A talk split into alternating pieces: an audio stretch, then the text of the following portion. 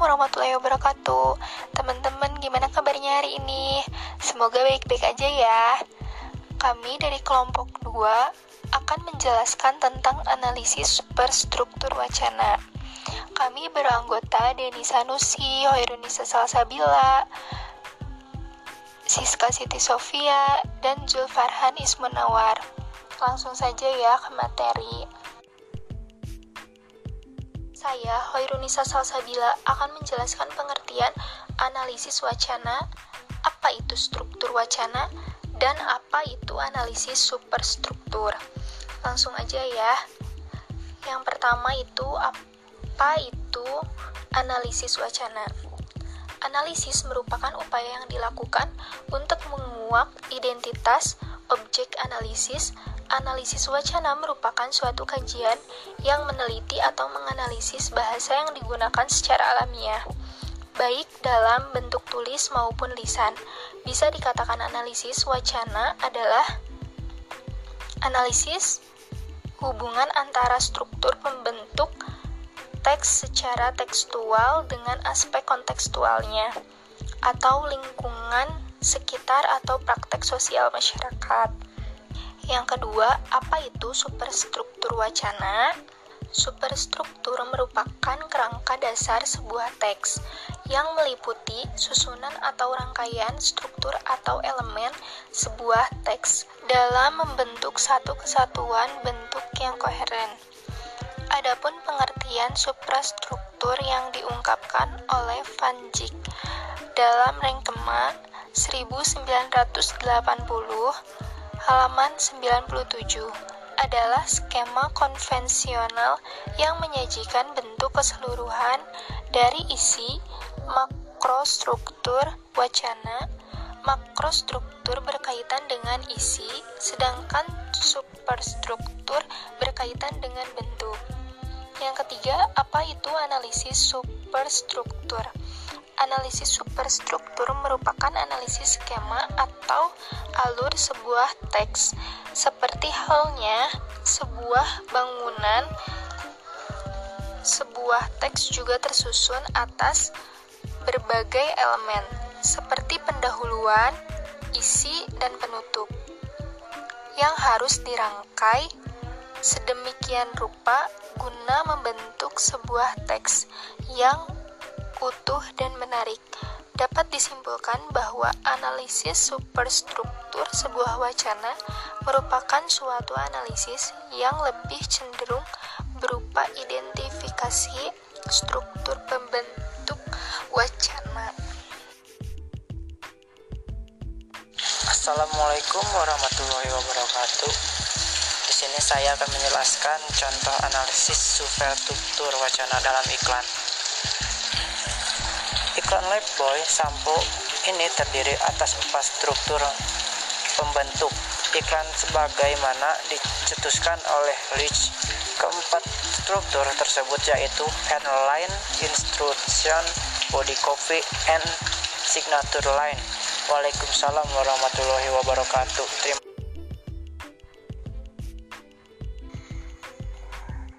sini saya Dini Sanusi akan menyambung dari yang telah disampaikan oleh rekan saya yakni Julfarhan Ismunawar mengenai analisis super syukur wacana dalam iklan. Yang pertama, headline. Headline dalam iklan ini adalah ikon dua orang dewasa dan satu orang anak-anak. Yang kedua ada illustration. Illustration di sini terdiri atas dua bagian. Yang pertama bagian latar belakang berupa langit biru yang cerah dan sedikit awan.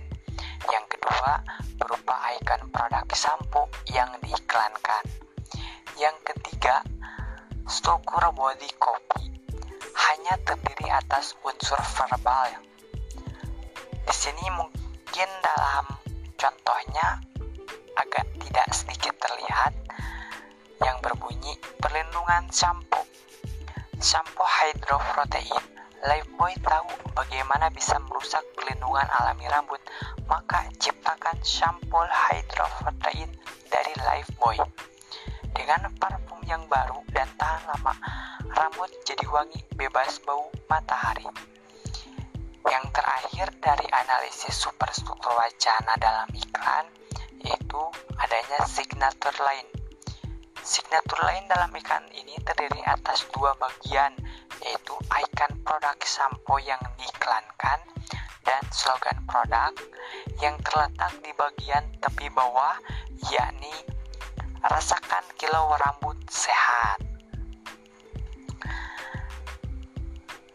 Selain dari analisis superstruktur dalam iklan, kelompok 2 menganalisis superstruktur wacana dalam dakwah media sosial Instagram. Di sini kami mengambil contoh superstruktur wacana dalam dakwah eh, dari Ed Ria Ricis nomor yang pertama menunjukkan jenis unggahan yaitu berupa video nomor yang kedua berupa foto profil dan nama pemilik akun Instagram at riaricis 1759 Nomor yang ketiga berupa hasil unggahan Ricis yang berupa video interaktif. Yang nomor keempat menunjukkan jumlah video dilihat oleh pengikut at Ria Ricis. Nomor yang kelima berupa kegiatan mengajak termasuk ke dalam bagian kegiatan berdakwah.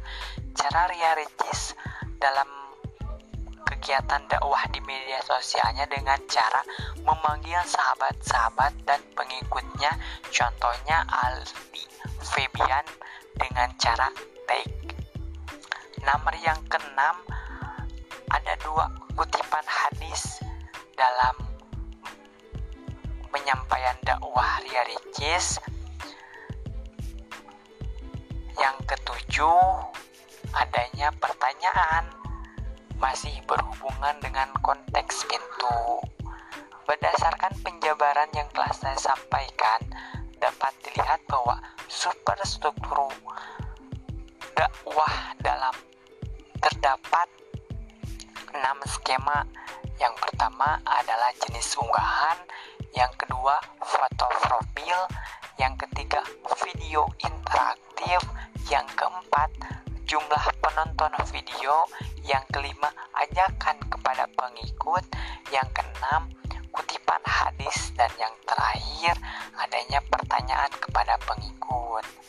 Mungkin jika rekan-rekan ingin melihat secara jelas analisis superstruktur wacana yang telah kelompok 2 sampaikan bisa melihat secara visualisasi di hasil unggahan kelompok 2 dalam Google Classroom. Mungkin cukup sekian penyampaian analisis superstruktur wacana, teori Van Dijk, kurang dan lebihnya mohon maaf. Wabillahi taufiq wal hidayah. Wassalamualaikum warahmatullahi wabarakatuh.